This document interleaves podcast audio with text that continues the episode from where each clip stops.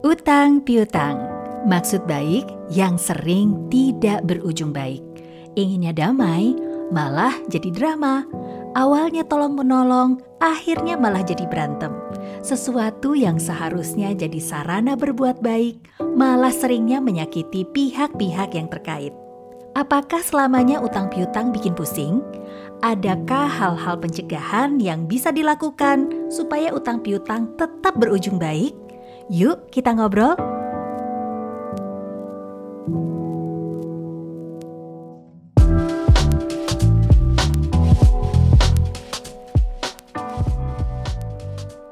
Ada dua orang yang terlibat dalam utang piutang.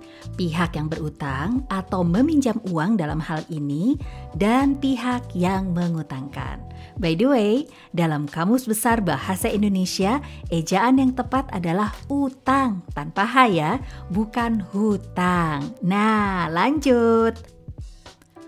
Nah, kedua belah pihak yang terlibat dalam utang piutang ini punya kontribusi untuk menjadikan utang piutang berakhir baik. Pertama, pastikan di posisi mana pun teman-teman berada, niat baik adalah suatu keharusan.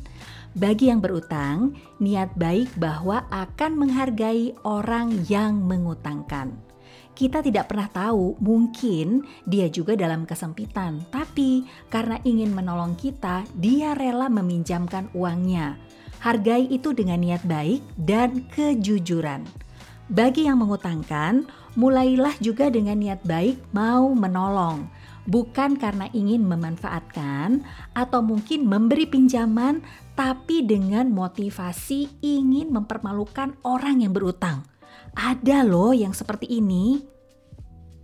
Kedua, ini mungkin sedikit teknis ya. Salah satu adab berutang yang sering diabaikan adalah mencatat utang piutang. Biasanya karena sungkan harus dicatat atau merasa ah segitu aja perlu dicatat-catat, tapi ini adalah adab yang sangat baik. Pada dasarnya, ingatan manusia itu kan terbatas, dan terkadang kalau berkaitan dengan utang piutang, ingatannya bisa jadi mendadak pendek. Maka, fungsi catatan adalah untuk mengingatkan kedua belah pihak. Hal lain yang baik dengan mencatat utang piutang adalah untuk menyaring orang yang ingin berutang pada kita. Untuk calon peminjam yang memang beritikat baik, maka insya Allah tidak akan keberatan untuk melakukan utang piutang secara tertulis. Komitmen dan niatnya sudah tersaring dan terseleksi.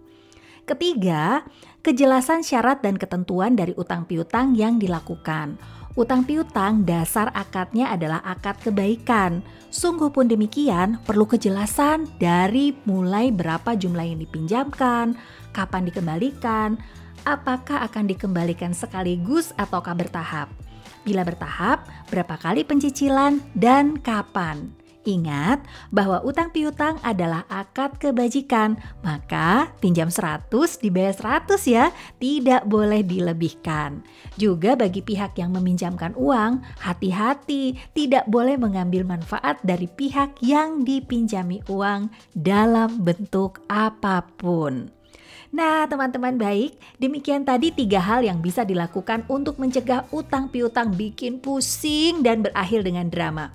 Pertama, pastikan niat baik antara kedua belah pihak. Kedua, tuliskan utang piutang yang terjadi. Ketiga, pastikan syarat dan ketentuan utang piutang clean and clear. Pastikan juga bahwa utang piutang yang terjadi tidak melanggar ketentuan syariat dan malah menjadi transaksi riba. Nah, teman-teman, sampai jumpa lagi di ngobrol uang bersama Feby selanjutnya. Tetap bijak dalam berkeuangan dan salam.